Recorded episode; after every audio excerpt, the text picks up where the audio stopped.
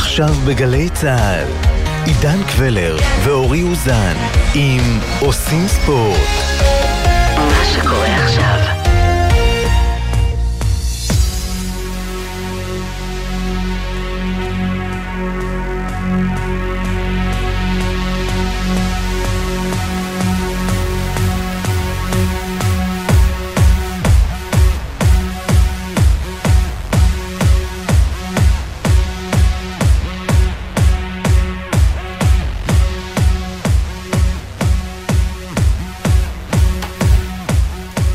גם אם מכבי חיפה חלילה לא תעפיל לליגת האלופות, חתיכת קבוצה בנה שם ברק בכר, הוא וחבריו לצוות ואנשי מכבי חיפה.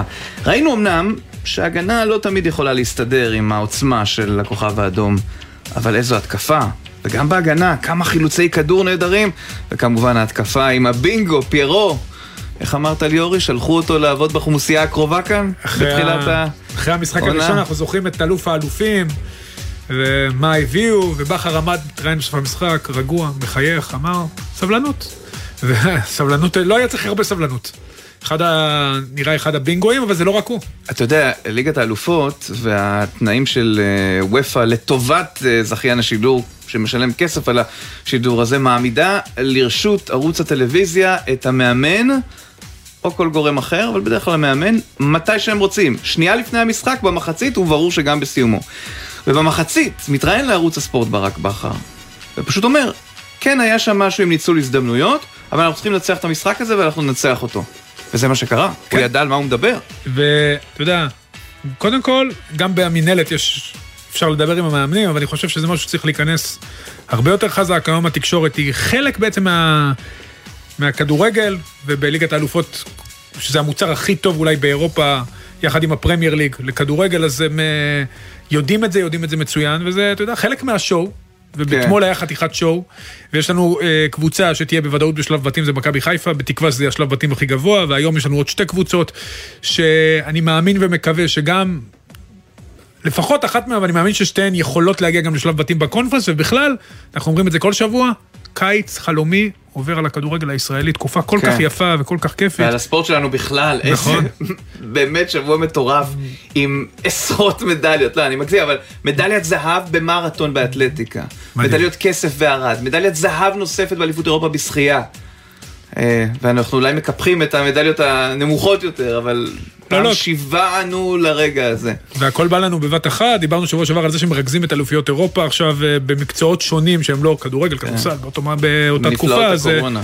בדיוק, וזה יוצא טוב, ובאמת המון הישגים, והספורט שלנו הולך למקום הנכון, אבל כן. אני מאוד מקווה גם שזה ייתן בוסט לעוד אנשים להתעסק בספורט, לעוד תקציבים לטובת הספורט, נכון. ולעוד הרבה רגעים של גאווה לאומית. אגב, אה, האליפויות שהן ביחד זה לא בגלל הקורונה, כלומר, בשנים, זה שיצא עכשיו מלא אליפויות זה דבר אחד, אבל מבחינת אליפויות של מה שנקרא הספורטים השונים, זה כדי למתג אותם כחצי אולימפיאדה, וזה פעם שנייה שזה קורה במהדורה הזאת.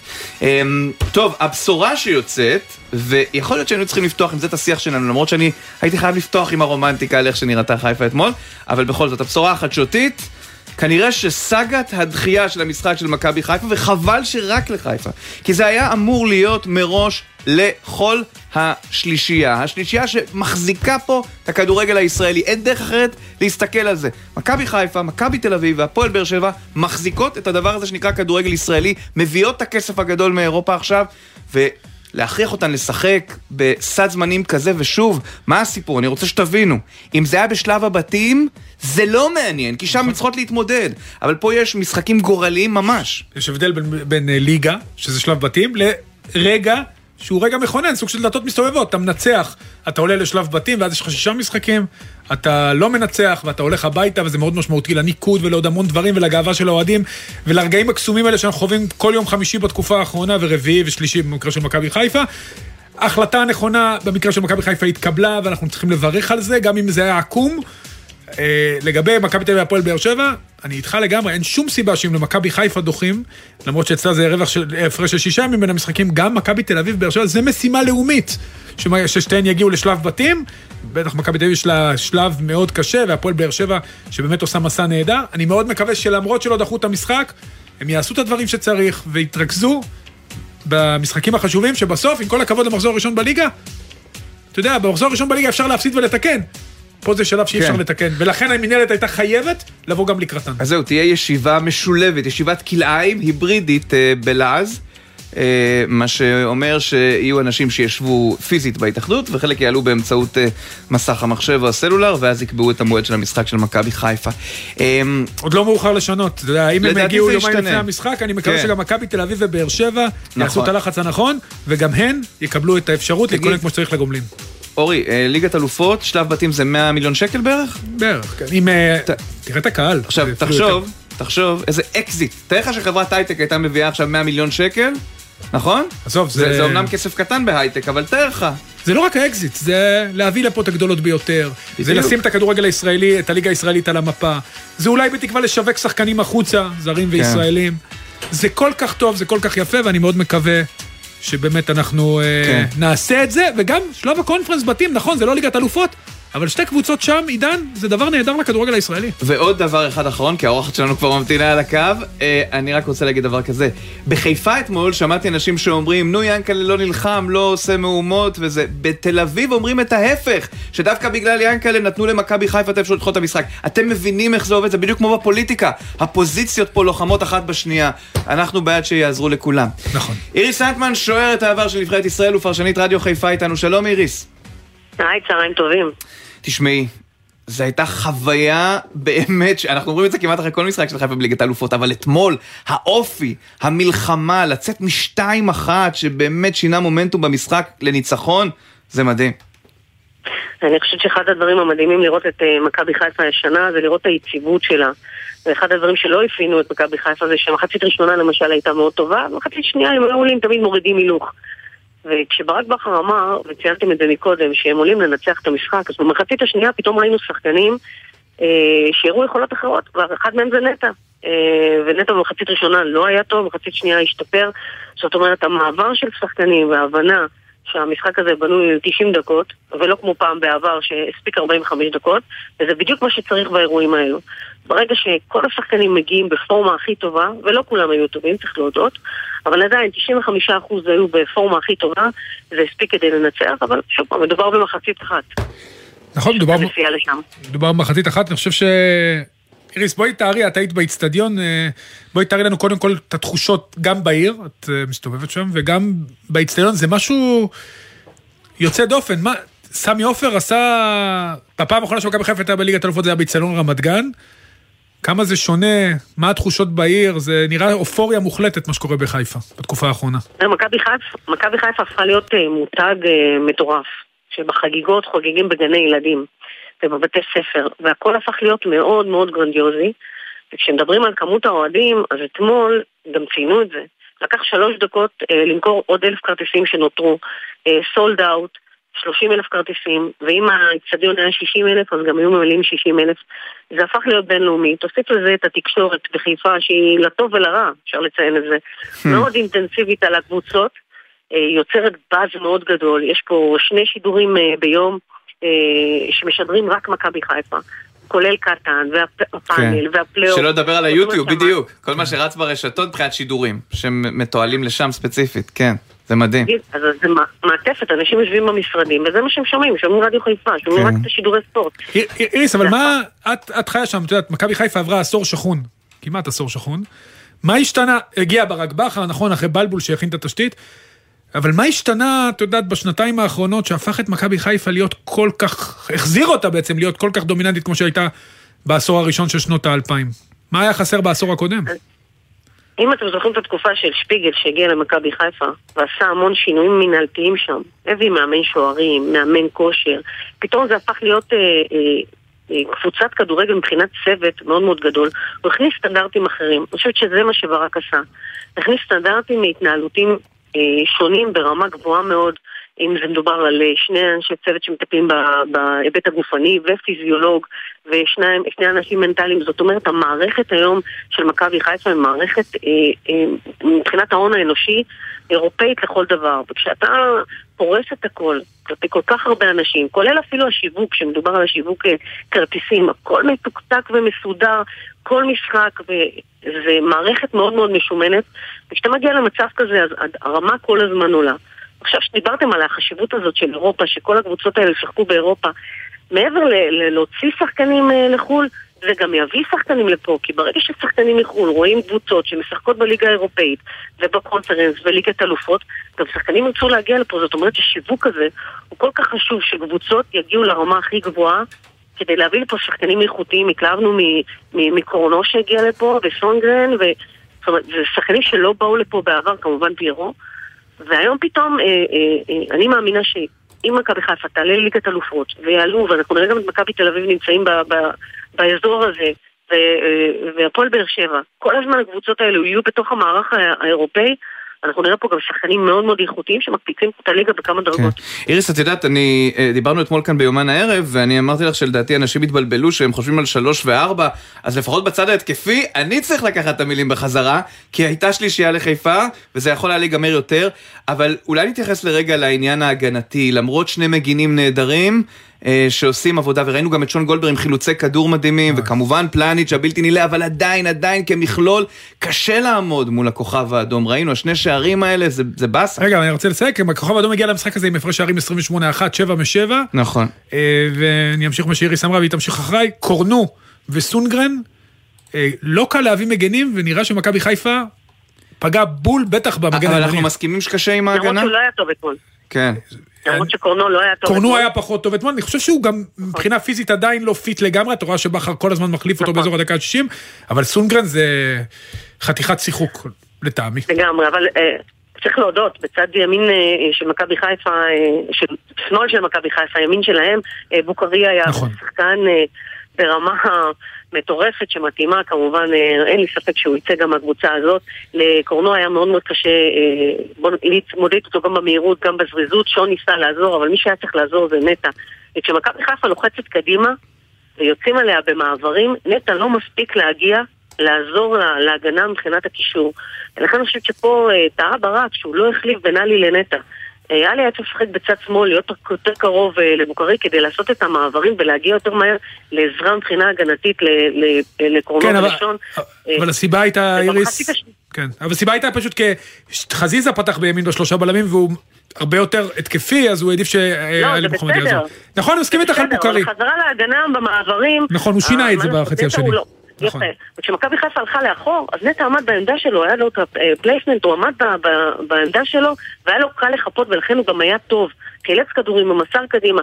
כשמכבי חיפה לוחצת קדימה, המעברים קשים מאוד לנטע, ולכן אני חושבת שבאזור, שדווקא יש את בוכרי, חייב להיות שם עלי באזור הזה כדי לחפות. אה, עלי שחקן, אה, לפי דעתי רמח מעל כל מכבי חיפה, ללא ספק. אין היום שחקן כזה אה, בליגה ברמה שלו מבחינת קישור אחורי. אה, שגם מפתיע גם בקישור הקדמי שהוא לפעמים עולה. אה, אז אני חושבת שהבעייתיות הייתה בעיקר בעיקר אה, בצד שמאל של מכבי חיפה, וקורנו לא היה בשיאו, שון, אני חושבת שהוא המגן הכי טוב היום, הבלם הכי טוב בארץ, עשה עבודה פנטסטית, מאוד שקטה. אבל ברמה של בוקרי, מאוד מאוד קשה, צריך לקבל שם עזרה מאוד מאוד גדולה. אם מכבי חיפה, ואין לי ספק, תתקן את הטעויות הקטנות האלו, היא גם תספוג פחות במשחק הבא, מבחינת ההתקפה, אנחנו יודעים שהשילוב של חזיזה, אה, אני חושבת שיש לו היום את האחד על אחד הכי הכי טוב בליגה אה, מהבחינה הזאת, ולכן הוא גם מצליח לעשות אה, פעולות יצירתיות מאוד ולהזין את פירו ואת דין. אז מבחינה התקפית מכבי חיפה די מסודרת, מבחינה הגנתית. השיפורים הקטנים האלו שודרו למכבי חיפה את הניצחון. קודם כל, דרך אגב, לגבי השער הראשון, היו 14 מסירות, כמעט דקה שחיפה החזיקה בכדור, ואז חזיזה עשה את הסללום, הוא באמת בכושר מעולה. אני רוצה לשאול שאלה אחרונה, לגבי התחושות שלך, לגבי הגומלין, התחושות בכלל ברחוב, אה, כמה, קודם כל כמה אוהדים חיפאים אמורים לנסוע, באמת זה איצטדיון יוצא דופן, זכיתי להיות שם, והתחושה, יש עדיין אופוריה? מרגישים שעוברים או שיש סק... סקפטיזם? לא, לא, ממש לא. המון ביטחון, אה, אה, מכבי חיפה כל משחק נותנת המון ביטחון פה לקהל, שהוא דרך אגב אה, בכללי מאוד מאוד סקפטי אחרי כל, כמו שאמרתם, עשר שנים שכונות. ואני חושבת שבעקבות המשחקים האלו, ובעיקר אה, רואים שמכבי חיפה קבוצה התקפית מפקיעה שערים באירופה, אה, כל משחק הוא משחק. ולכן אני חושבת שקודם כל הכרטיסים, כל מה שהמטוסים יהיו מלאים אה, וכל מה שיימכר עבור מכבי חיפה, כמובן האוהדים של מכבי חיפה ימלאו ללא ספק. יש אופטימיות מאוד מאוד גדולה. ומכבי חיפה תצטרך למצוא את האיזון איך לשחק חכם. אה, לא אומרת על תיקו, כי מכבי חיפה לא בנויה לשחק על תיקו, אבל אה, כשתגיע תוצאה טובה, גם, אה, אתה יודע, לא להשתגע. לנסות כן. להשיג את התוצאה, לשחק על התוצאה, כדי לעלות ולעשות את ה... את ה... אין שערי חוץ, דרך אגב. שזה לא רע, אחרי שזה טוב. שקיבלנו שניים. כן. כן. זאת אומרת, 1-0 לכוכב האדום זה הערכה, זה לא נגמר, כן. או 2 אגב, אה, צריך לזכור גם, אפרופו אולימפיאקוס, נכון שאולימפיאקוס הגיע היום בדיעבד, אנחנו יודעים לומר קצת יותר מבולגנת ולחוצה, אבל 50 אלף צופים בבית, זה גם לא אחת מלחיץ, ולא רק דוחף אותך לניצחון, כלומר זה יכול לפעול לשני הכיוונים. לכן הפתיחת משחק תהיה מאוד כן. חשובה, להחזיק אותם, לא לתת להם לצבור מומנטום. אני בטוח שבחיפה יודעים את זה, והולכת להיות להם חוויה מדהימה, בתקווה שהאוהדים של חיפה יישארו הרבה זמן סגורים שם ביציע אחרי המשחק, ושמחים ומחובקים, וש- ושנחזור הנה עם אה, בשורות טובות. טוב, מצד שני זה ילחיץ גם אותם, צריך להודות. זה מלחיץ גם אותם, 50 אלף אה, אה, צופים שדוחפים אותם. אה, הלחץ גם במכבי חיפה צריך להודות, גם בסמי עופר זה לחץ גדול. לא תמיד זה לחץ חיובי כשיש לך, שאתה יודע ש-30 אלף צופים ככה דוחפים אותך מצד אחד, מצד שני יודעים גם להתאכזב כשהם רוצים. איך היה לשמוע את לכן ההמנון זה- אתמול, איריס, דרך אגב? איך היה לשמוע את. ההמנון בסמי עופר? אני חושבת שאין שערה בגוף שלא עמדה לכל אחד ואחד מהצופים שהיו, אה, כולל נדב יעקבי שהיה שם. תשמע, זה מרגש, זה לא קורה לנו במדינה כל פעם, וזה לא משנה באמת איזו קבוצה משחקת. אה, אנחנו צריכים לעודד את נושא הכדורגל בארץ, שיהפוך להיות אה, ברמה הכי גבוהה שיש, כדי שנוכל ליהנות גם מהנבחרת ולראות את הנבחרת שלנו אה, גם ביורו, גם במונדיאל, חלום של כולנו. הלוואי. איריס סנטמן, שוערת העבר של נבחרת ישראל ופרשנית רדיו חיפה, תודה רבה. תודה רבה לכם. ארז חלפון הוא יושב ראש מנהלת הליגות לכדורגל, שלום ארז. אנחנו ארז? מנסים ליצור את הקשר. אל תדאגו, ארז לא בסרביה עדיין, אבל הוא כאן איתנו לא, הוא בארץ. מתרגש שהליגה מתחילה, אז ניתן לו עוד הזדמנות. ארז חלפון, שלום. עידן ואורי, מה כן, שלומכם? כן, זה אהלן. בסדר גמור. תשמע, אה, אני מבין שאתה בא לשידור, כי אנחנו התכוננו פה לסנוט בך שאלות רבות על למה, למה, למה, כי זה באמת נראה רע כשלא דוחים, אבל הנה הבשורה מגיעה סמוך לשידור. כאשר אה, אתם עושים את הפעולה, וגם ההתאחדות, אני מבין שגם אורן חסון, יושב ראש ההתאחדות, ומביאים, ככל הנראה, כי עדיין ממתינים לגושפנקה הרשמית, לדחיית המשחק של חיפה. תראה, אנחנו נדבר היום על פתיחת הליגה, אבל בנושא מכבי חיפה סכנין רק חשוב להבהיר. עוד בעשירי לשמיני פנינו לבני סכנין אה, בניסיון להזיז את המשחק לשלושים לשמיני כדי לאפשר למכבי חיפה באמת לעבור את צמד המשחקים שחשובים אגב לכל הכדורגל הישראלי. אה, בצורה ספורטיבית וזאת מסיבה אחת שהמשחקים כמו שאתם יודעים של מכבי חיפה נקבעו בסדר גודל של שישה ימים דבר שבטח בכדורגל הישראלי ובטח בכדורגל האירופאי לא היה. מכיוון אה, שסכנין נתנו תשובה שלילית לא יכלנו להמשיך בשינוי הפרוצדורלי שמתקיים ברגעים אלה. ברגע שסכנין נתנו הבוקר הסכמה אותו הדבר שרצינו בעשירי לשמיני אנחנו מקדמים. יש שינוי תקנון יש אחרי זה ועדת ליגה וגביע. אני מעריך שבשעות הקרובות יהיה פתרון לנושא הזה ובאמת הכי חשוב זה לאחל למכבי חיפה, מכבי תל אביב והפועל באר שבע הצלחה במשחקים האירופאים, הצלחה שלהם זה כמובן הצלחה של כל כן, הכדורגל. ארז, אה, קודם כל נדבר על הליגה טיפה בהמשך, שתי שאלות. אחת, למה זה היה צריך לחכות עד היום? למה זה לא צריך להיות אני- הוראת שעה אני שנייה, אסביר. בלי לשאול את סכנין בכלל, שדרך אגב רק עברה אני אתמול בקרה? אסביר, כי ושאלה שנייה, אני אתה תצרף אליה, תהיה לך תשובה. ארוכה. גם מכבי תל אביב ובאר שבע עומדים בפני משימה, נכון, אצלהם זה שבעה ימים, ועדיין זה משימה בעיניי לאומית, כמו שאתה אמרת, שיהיה לנו עוד שתי קבוצות בקונפרנס, למה גם להן לא דוחים את המשחק? יופי של שאלה. קודם כל, שאתה עושה שינוי תקנון, אורי, מה לעשות? זה לא דבר שאתה יכול לעשות אותו תוך כדי, אלא צריך פייר פליי, יש תקנון אליפות, קובע דברים. אם אתה רוצה לשנות, וזה מה שהיה צריך להיות ברגע שסכנין סירבו לבוא לשינוי אה, תקנון לעונה הבאה, ברגע שסכנין אמרו כן, אנחנו לא מסתכלים עכשיו על הנושא הבירוקרטי, אמרו כן, אנחנו עושים את השינוי תקנון כי אנחנו מאמינים בו, זה לא שאנחנו לא מאמינים בו. פשוט, עקב הסכמת סכנין היום בבוקר, נכון, מאוחר מדי, הליגה, המשחקים כבר שופצו, אבל צריך לעשות מה שנכון, וזה מה שאנחנו עושים, ואני מקווה שעד הערב נסיים את תהליך הפרוצדורליים. לגבי מכבי חיפה, הפועל באר שבע, אין ספק, הקונפרנס הוא משחק מאוד... מכבי תל אביב והפועל באר שבע הוא, הוא, הוא אה, הם מפעלים מאוד מאוד חשובים, אבל צריך לציין, שבעה ימים, אורי, מי כמוך יודע, ליווית אותנו בתקופת הקורונה, נכון. שבעה ימים הקבוצות משחקות גם בליגה ללא קורונה, בטח ובטח בקורונה, וגם במפעלים באירופה שיחקו את זה במהלך כל העונות האחרונות.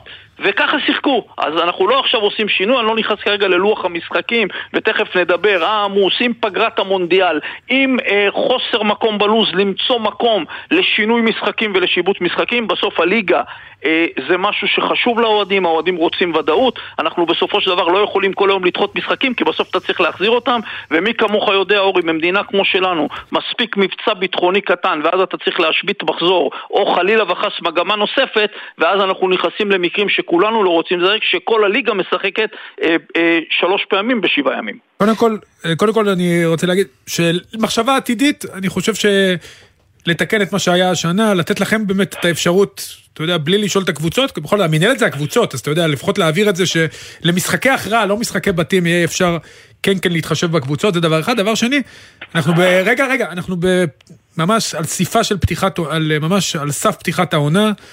הולכת להיות עונה, בעיניי זה נראה כעונה מדהימה, מרגשת, אולי מהגדולות שידענו. איך אתה מרגיש כבעצם ראש המערכת, איך אתה מרגיש שהולכת להיות העונה הזאת, עם המונדיאל הזה באמצע, עם כל מה שמסביב, עם ההתחמשות האדירה של הקבוצות הגדולות? מה התחושות במינהלת ולאן אנחנו הולכים?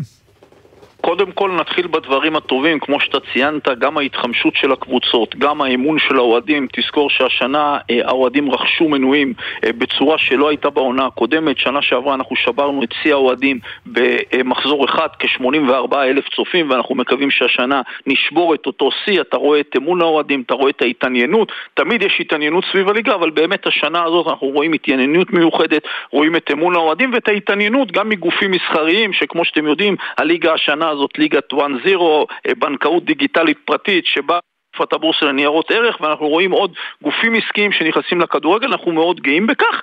מצד שני, צריך לזכור, לפנינו עונה מאוד מאוד מורכבת עם מונדיאל בקטר בנובמבר, דבר שלעולם לא היה, וכמו שדיברתי איתכם, ששאלתם אותי מקודם על מכבי חיפה, מספיק מבצע ביטחוני אחד, שבתקווה שלא יהיה, מספיק אה, מגפה כזאת או אחרת, ושוב אנחנו נכנסים לכאבי ראש גדולים כדי לסיים את הליגה על קר הדשא, וכמו שאתם יודעים, התוצאות צריכות להיות רק על קר הדשא. שעונה מאוד דחוסה, שאנחנו רוצים להגיע לסיומה באופן ספורטיבי, כמו שאני תמיד שואף. כן, אגב, אני חייב לומר לך, ארז חלפון, גם פתיחת השיחה קשורה לעונה, כי בסוף יש כאן...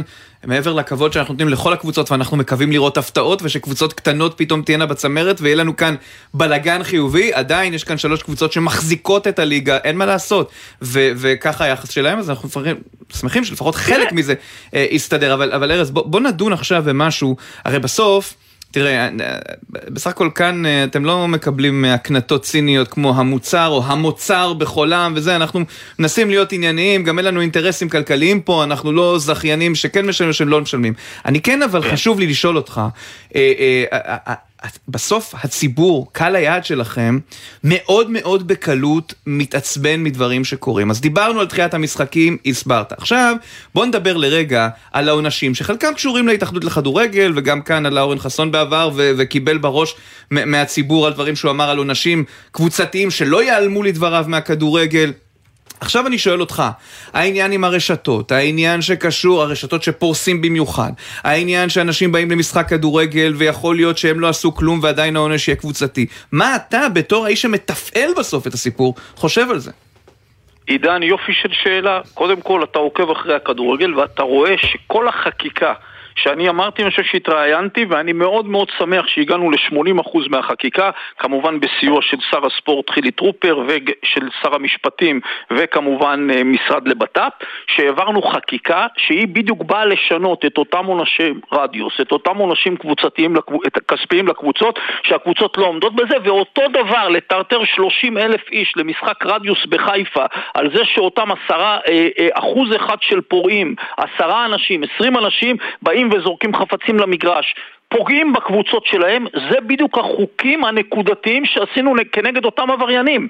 החוק הראשון של הרחקה על ידי קצין משטרה כבר עבר ומשטרת ישראל ערוכה על אותם מתפרעים שבאים להרוס לכולנו. הדבר השני זה הקנסות המינהליים, לבוא לאותם אנשים שבאים לזרוק למגרש חפצים, להרוס לקבוצות, להפעיל אה, אבוקות ולסכן את כולנו, כולל אותם רשתות, זה בדיוק אותם עונשים ממוקדים כנגד אותם עבריינים שאנחנו רוצים להוציא אותם מהמגרשים ואז לשמור על אותם 99% אה, מהקהל שהוא קהל נורמטיבי, שקונה מנויים, רוצה לבוא ליהנות מהמגרש, לא לטרטר אותו בעונשים אה, קבוצתיים, ברדיוסים מיותרים ובכל הדברים האלה. טוב, נקווה שכך יהיה. ברגע שהחקיקה הזאת ברגע שהחקיקה הזאת תושלם בכנסת, אני מקווה מאוד בוועדת חוקה, בוועדת ההסכמות, לפני הבחירות, לצערנו הגיע הבחירות, אבל הרגע שהיא תשונה, אם לא לפני הבחירות, מיד אחרי הבחירות, המשטרה תצטרך לפעול כדי כן. לתפוס אותם, ואז הקבוצות והבעלים לא יצטרכו יותר לספוג את העונשים, לא של רדיוס ולא קנסות קבוצתיים. ארז חלפון, יושב ראש מנהלת הליגה, הליגות יש לומר, הליגות, כי זה גם הלאומית כמובן. הכי חשוב רק, משפט לסיום, בהצלחה לכל הקבוצות, הליגה הלאומית מתחילה כבר הערב, ליגה מאוד מעניינת. מעניינת ומרתקת שצפויה לנו גם בליגה הלאומית היום.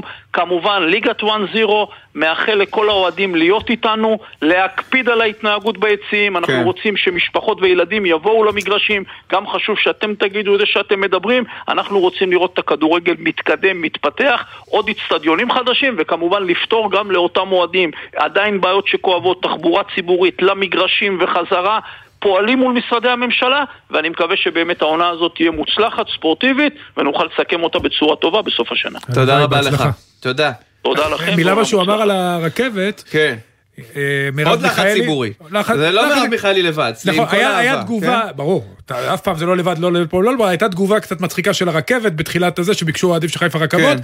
אבל אז אה, מרב מיכאלי והמשרד שנכנסו לעובי הקורה, זה לא צריך להגיע לשם, בדיוק, על זה אני מדבר. זה בדיוק כמו המשחקים סכנין, זה לא צריך להגיע לרגע האחרון, אתה יודע, שתהיה התערבות ויהיה רעש ציבורי. קצת לחשוב מחוץ לקופסה ולא לתת תגובות מצחיקות, בסוף... אני שמח ששתי ההחלטות הנכונות התקבלו, אבל זה צריך להיות, אתה יודע, א' ב'. ברוב העונה, מרוב שאני מקבל הודעות כאלה על תגבור הרכבת, אני אפילו לא מתייחס, כי אני אומר, איזה יופי. נכון. אבל עכשיו, דווקא במשחק הזה הייתה בעיה. אבל טוב שהיא נפתרה. שלונסקי, שלום. אנחנו קצת טעונים היום, כי אנחנו קצת טעונים היום על הממסד, אתה יודע, אנחנו לא, קשה. לא, לא, תכף תשמע מה זה טעונים על הממסד. כן. תגידו לאלף חלפון שישלם על פרומו. במקום להתראיין. כן, אתה יודע, אמרתי, זהו, אמרתי... ראיתי שזה נתקעתם איתו, הכל בסדר. אמרתי לעצמי, לא, אמרתי לעצמי גם הלוואי שאני לא אוהב מקום שאני צריך כל הזמן לומר את השם של החסות, אבל מה אני אעשה? כן, לא, לא, בסדר, זה אחד. וב' תשאלו אותי שאלה, כי כל פעם ששאלתם שואלים, אומרים לכם, הייתה שאלה מצוינת, או שאלה ממש טובה. אז שמתם לב היום? פעמיים. אוקיי. כן, שלנסקי, אנחנו איתך, אנחנו איתך כל הזמן. לא, לא, שמעתם, ראיתי כדורסל השבוע. איזה מהם? הנבחרת? הנבחרת נראית כן, סבבה, השאלה איך זה יתבטא כן. באליפות. לא יודע, זה נראה טוב, יש שם משהו טוב שקורה. שוב, אה, דיברתם הרבה על כדורגל ישראלי באירופה, אני לא רוצה לחזור, אבל זה ממש כיף לראות את ישראל באירופה. ולא שכוכב האדום קבוצה כזאת גדולה, היא קבוצה, אה, נראה לי בסדר גודל של מכבי חיפה.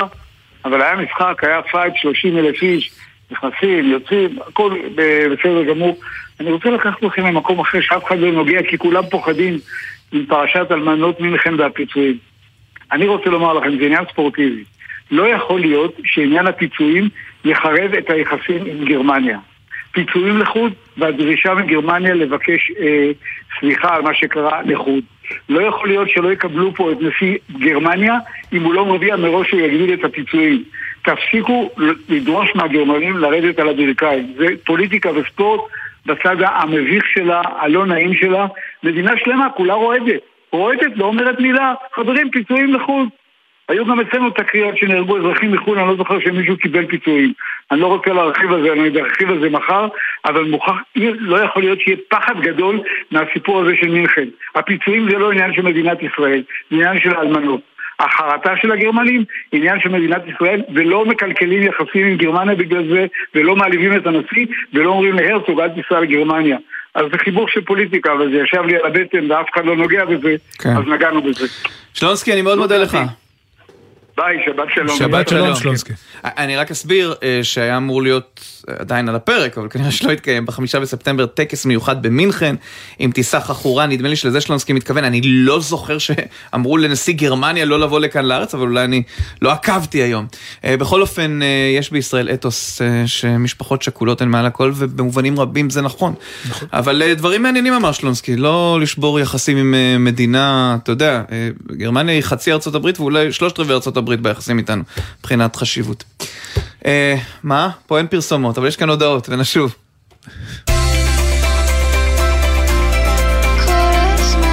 גלי צה"ל, יותר מ-70 שנות שידור ציבורי.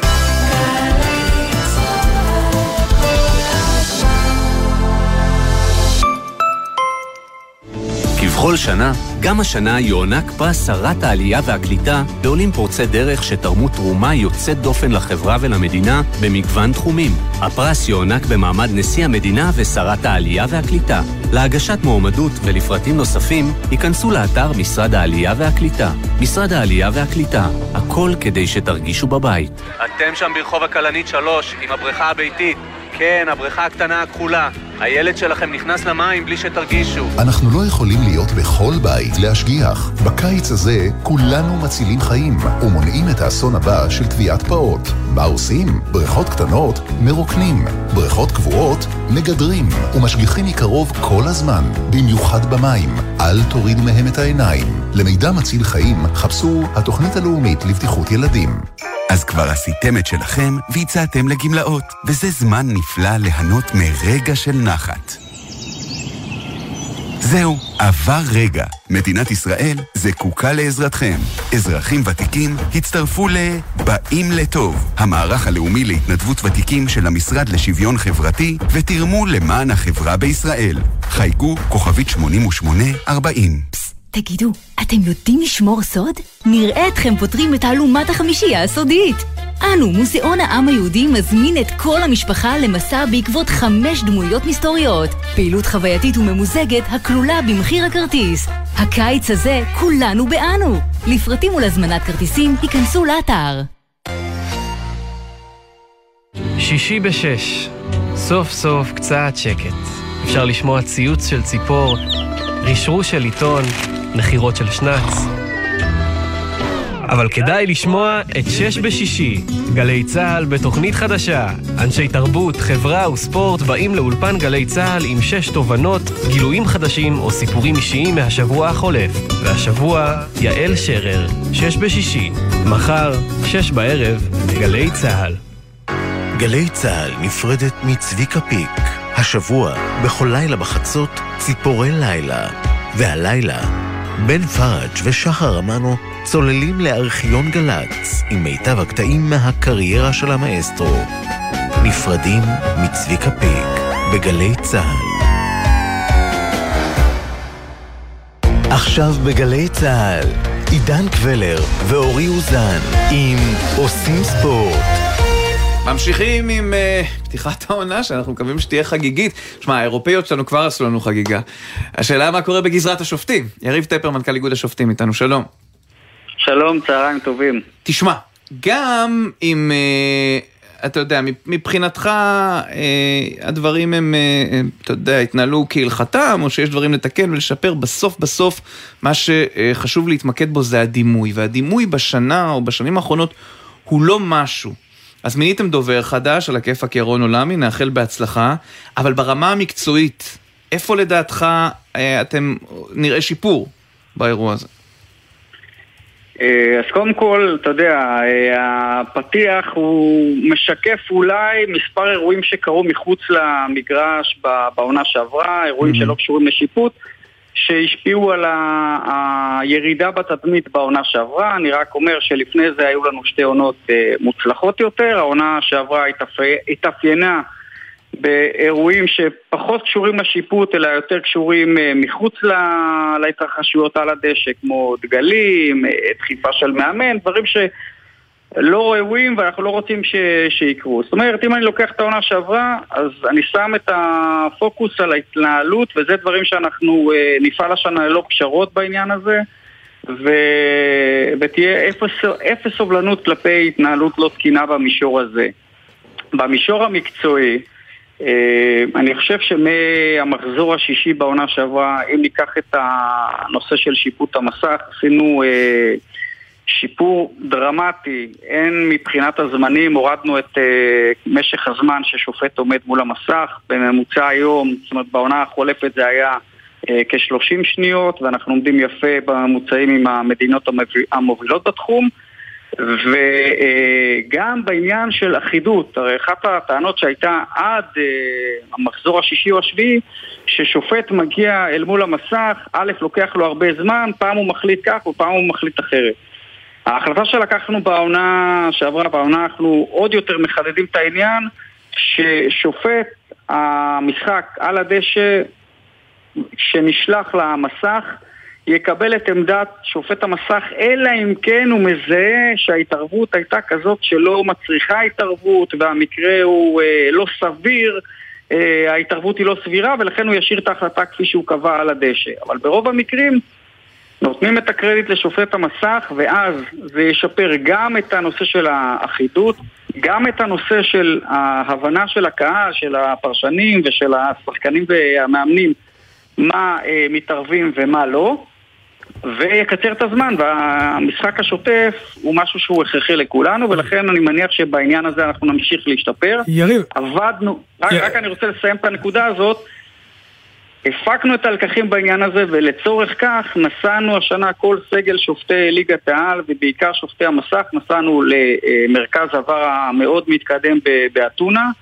אה, ועשינו שם השתלמות של אה, יום שלם במתחם המדהים שיש שם, עם צוות פורטוגלי שמנהל שם את השיפוט מסע. יריב, הכל, הכל טוב ויפה, בסדר, והשתלמות, ועברתם עונת בלהות בעונה שעברה. עונת בלהות, אולי העונה הכי גרועה של איגוד השופטים שאני זוכר, ואני בכדורגל כבר הרבה שנים, מה, מכל כך הרבה בחינות. איך, איך קודם כל מעלים את הרמה של השופטים? חלק מהשופטים הצעירים שקיבלו הזדמנות לא היו מספיק טובים. אני יכול לציין שניים שכן היו טובים, לא רוצה להעליף פשוט אחרים. איך קודם כל אנחנו, אתם דואגים שזה לא יחזור? כי היו כל כך הרבה מקרים לא טובים. זה לא רק עבר, אני מדבר גם במשחק עצמו. ואיך מרימים את הרמה שהיא, אתה יודע, הליגה היא נראית במגמת שיפור, ויהיה ארמון קהל במשחקים, אולי ישברו, כנראה יישברו שיאי צופים. איך אנחנו גם מרימים את רמת השיפוט? מעבר לבר שנייה כרגע, לשליטה של השופטים במשחק, לאולי שופטים צעירים חדשים שישתלבו. תראה, תראה אורי, אני, אני לא אתחיל להתנצח, כמו שאמרתי בפתיחת השיחה, אני חושב שעיקר הפוקוס השלילי בעונה שעברה הוא לאו דווקא על אירועי שיפוט על לא, זה, לא זה לא, אבל לא, לא, לא, לא, לא, לא, לא, אבל אתה, אתה, אתה מנצל את זה אולי שאתה חושב שיש זיכרון קצר לאנשים. לא, לי אין זיכרון קצר. אני לא אומר את זה. יריב, הייתה עונת בלהות בעונה שעברה. זו עונה הכי גרועה, ואם לא תודו בזה, אתם גם לא תתקדמו. זו הייתה העונה הכי גרועה. לא סתם ראיינו אותך כמה פעמים. אמרת, איך משתפרים? אמרתי, זה לא קשור לעבר, אני מדבר על המגרש. שנייה, שנייה, אמרתי בתחילת השיחה שהעונה שלנו הקודמת הייתה פחות טובה. אמרתי את זה, התחלתי את העניין. לא פחות טובה, זה הרבה פחות טובה. דבר... כן. הרבה, לשיטתך הרבה פחות טובה, לא נתווכח על העניין הזה, כי אני אה, תמיד נמצא מול הנתונים והעובדות הסטטיסטיות. אז לכן אני לא תמיד רואה את הדברים כמו שאתם רואים אותם, אבל זה, זו התפיסה שלך ושל חלק מהציבור שראה את המשחקים בעונה שעברה, ואני הולך עם זה לצורך העניין. אוקיי. כדי לשפר את העניין הזה, א', עשינו מה שעשינו בנושא שיפוט המסך.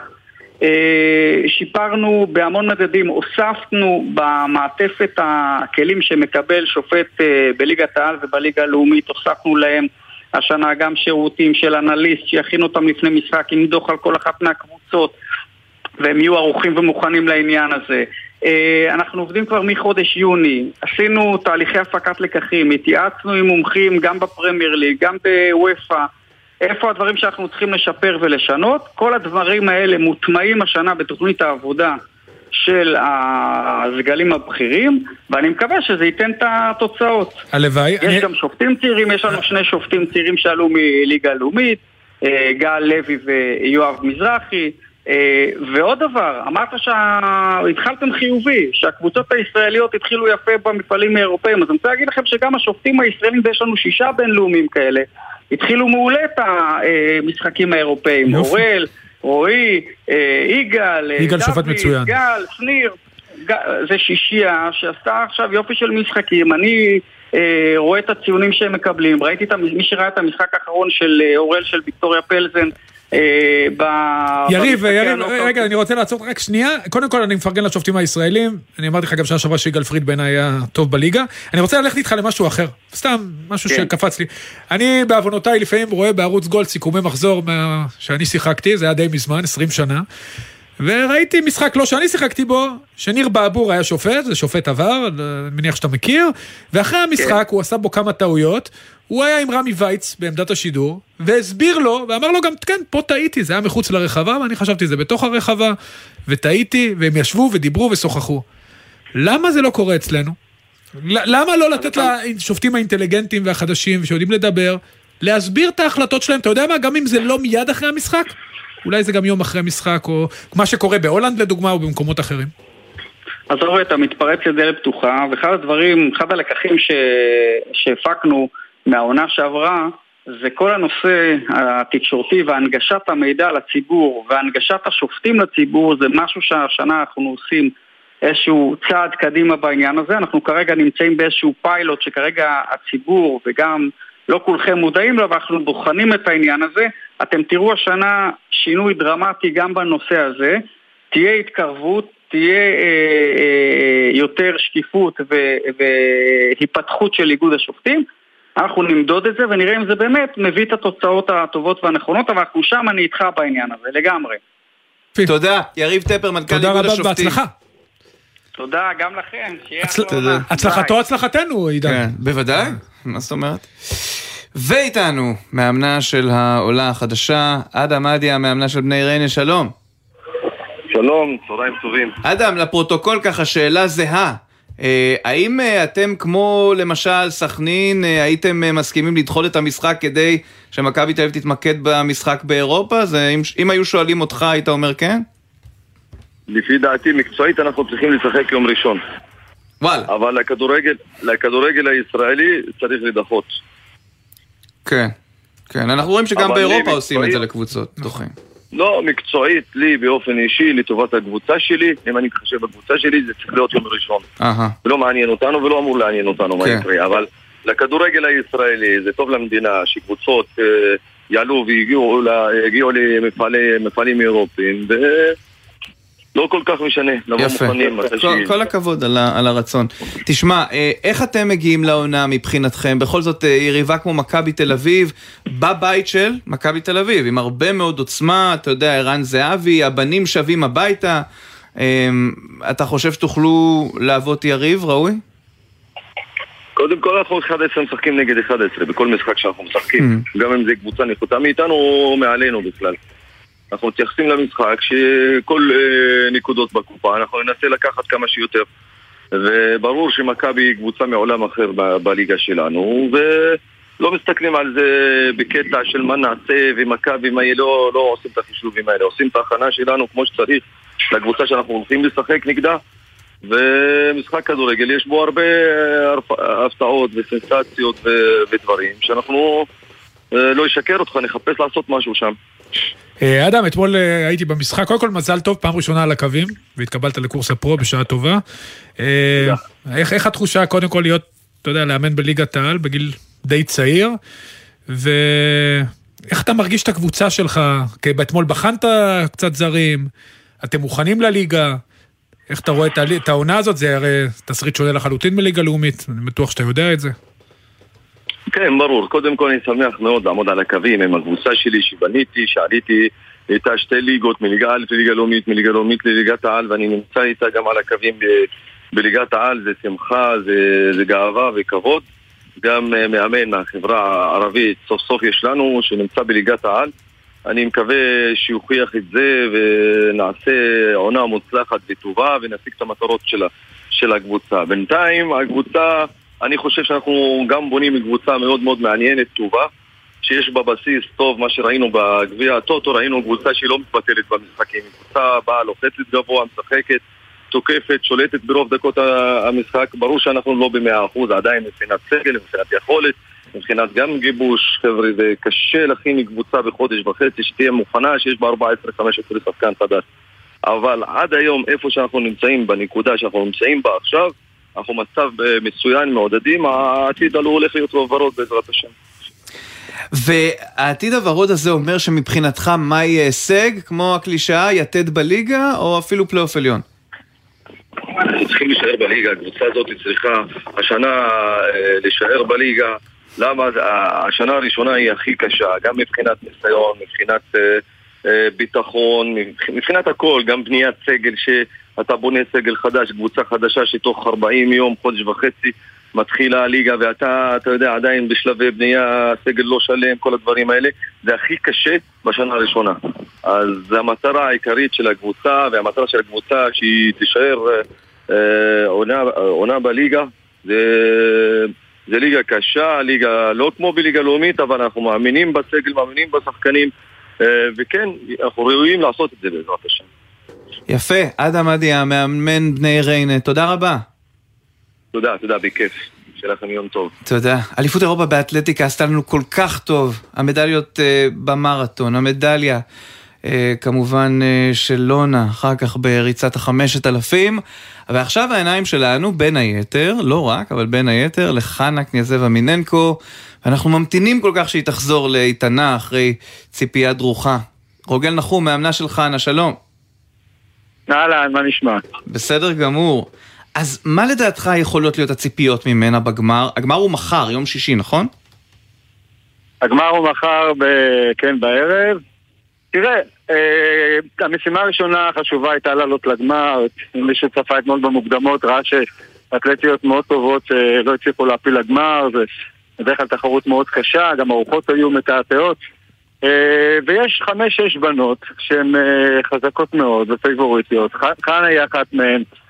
ואתה יודע, אפשר לצפות לכל דבר, אבל uh, בהחלט תהיה לה תחרות מאוד מאוד קשה. יש פה סגנית האלופה האולימפית, ממונה מפורטוגל, יש פה בק האוקראינית שהיא מתוצאה הכי טובה במוקדמות בעצם. נקווה להכי טוב שאנחנו יכולים. אתה יודע, אנחנו, נכון, אני, אני צודק, רוגל, תקן אותי מקצועית, אם יש משהו בציפייה שלנו לראות את חנה מחדש, נכון? כי כבר, נדמה שהרבה זמן לא ראינו אותה מתפוצצת, כן. כן. זה לא בדיוק נכון, חנה קפצה בגמר האולימפי בשנה שעברה 14-60, זה לא רחוק מסיעה אישית, אבל אל תשכח שחנה היא, אה, היא בין האתלטיות המבוגרות יותר פה באליפות, היא, היא כבר המון המון המון שנים בצמרת העולמית, אה, השתתפה בפעם הראשונה במשחקים אולימפיים ב-2012 אנחנו מדברים עשר שנים אחורה, ומאז היא בסוף העולמי כל הזמן. אם יהיו שנים של פציעות, או יהיו שנים של uh, טיפה פחות טובות, אבל בשנתיים האחרונות היא בסדר גמור.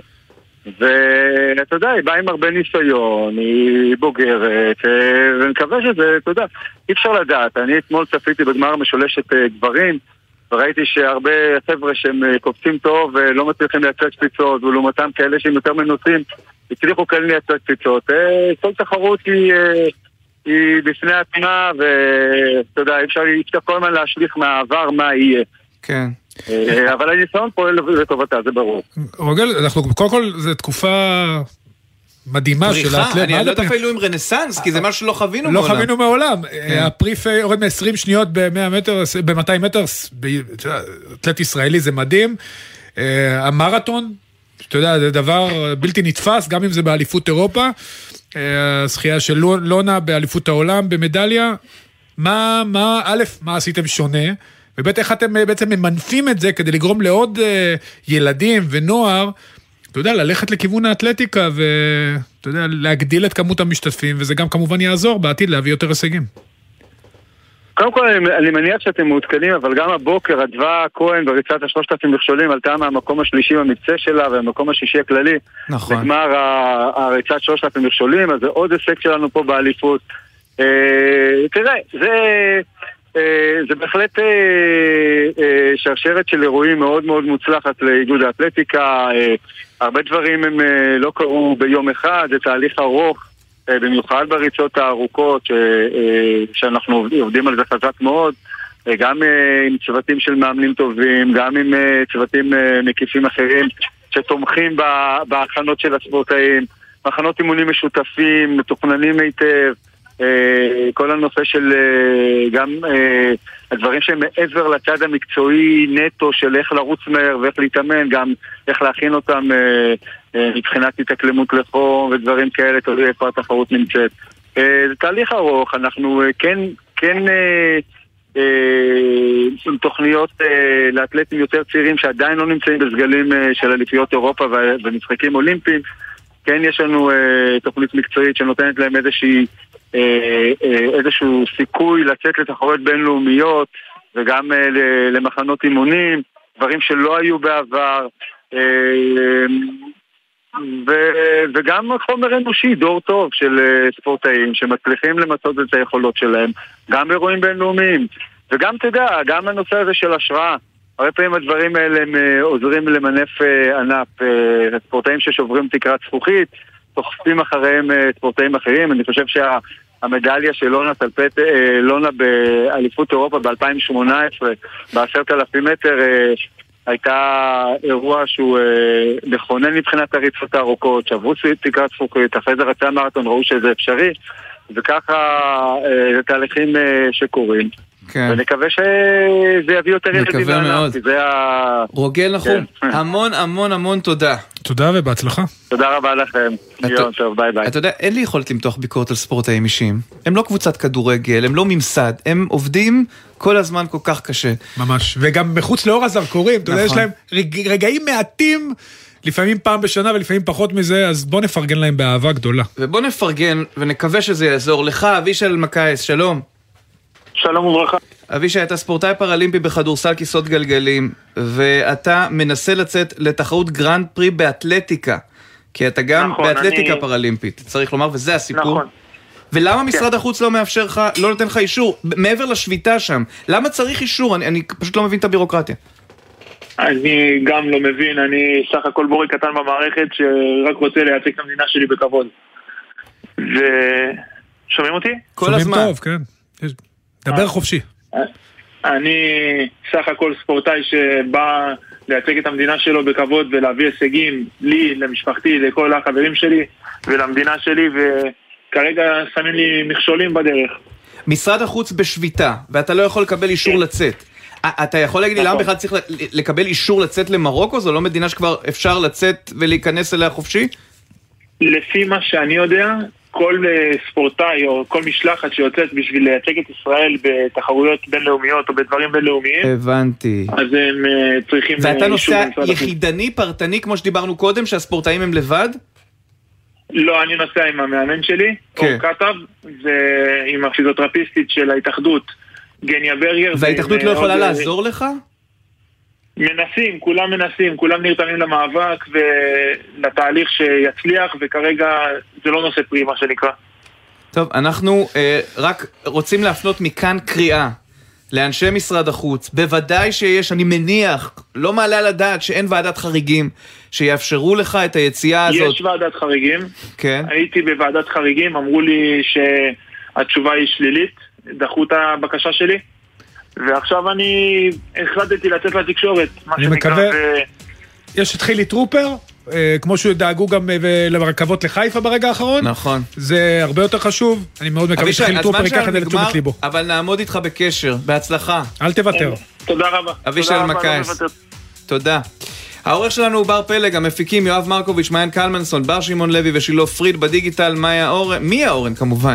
מיד אחרינו הג'ם של קוטנר.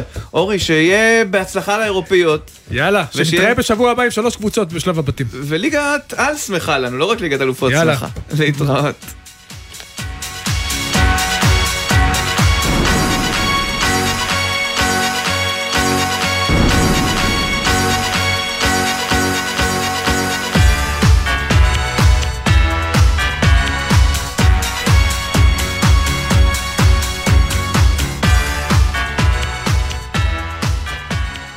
בחסות מרכז הבנייה הישראלי, המזמין אתכם לעיר הנדל"ן של ישראל. הוועידה הבינלאומית של ערן רולס בדצמבר באילת, עם צמרת אנשי הנדל"ן, ההנדסה והעיצוב. בחסות אוטודיפו, המציעה מצברים לרכב עד השעה תשע בערב בסניפי הרשת, כולל התקנה חינם.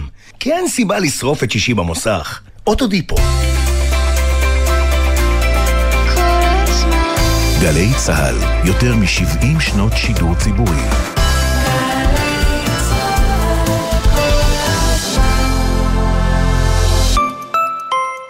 יצואנים, תעשיינים וחברות עסקיות רוצים לייצא לחו"ל? לפרוץ לשווקים חדשים? תוכנית כסף חכם החדשה מחכה רק לכם. כ-90 מיליון שקלים יוענקו במסלולים ייחודיים ליצואנים מתחילים או מנוסים. עד חצי מיליון שקלים לחברה. אל תוותרו על הסיוע, עכשיו תורכם לגדול לעולם הגדול. המקצה פתוח עד 31 באוגוסט. מהרו להגיש. לפרטים חפשו ברשת כסף חכם או ייכנסו לאתר מנהל סחר חוץ במשרד הכלכלה והתעשייה. כפוף לתנאי התוכנית. אבא, איפה אתה? מרכז יום לאזרחים ותיקים. לא תאמין מה יש כאן. אזרחים ותיקים, אנחנו פה למענכם. ב-180 מרכזי יום דואגים לכם בליווי צמוד של עובדים סוציאליים, אחיות ופיזיותרפיסטים, לצד פעילות חברתית תעסוקתית. חוגים, סדנאות, ריקודים, ריפוי בעיסוק והתעמלות בריאותית. יש גם ארוחות חמות, הסעות ו... בקיצור, רק תבואו, כי הכי טוב יחד. מידע במוקד משרד הרווחה והביטחון החברתי, אחת אחת שמונה, או באתר. מכירים את זה שאתם עומדים בתור, ופתאום מישהו עוקף אתכם? הלו, יש פה תור. סליחה, למה אתה עוקף אותי? אבל רגע, רגע, לפני שהעצבנות עולה, כדאי שתדעו שאולי מי שעקף אתכם מחזיק בתעודת נכה שכתוב בה פטור מתור. הפטור ניתן לאנשים עם מוגבלויות שלא תמיד נראות לעין, אבל שיש להם סיבה טובה להיות לפניכם בתור. ולכם? לכם יש סיבה טובה להיות רגועים. ביטוח לאומי לצדך, ברגעים החשובים של החיים.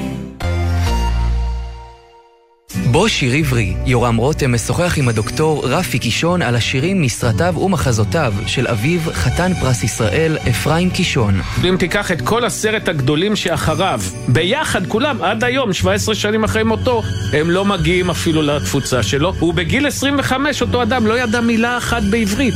שבת, שבע בבוקר, גלי צה"ל. מיד אחרי החדשות, יואב קוטנר, הג'ם.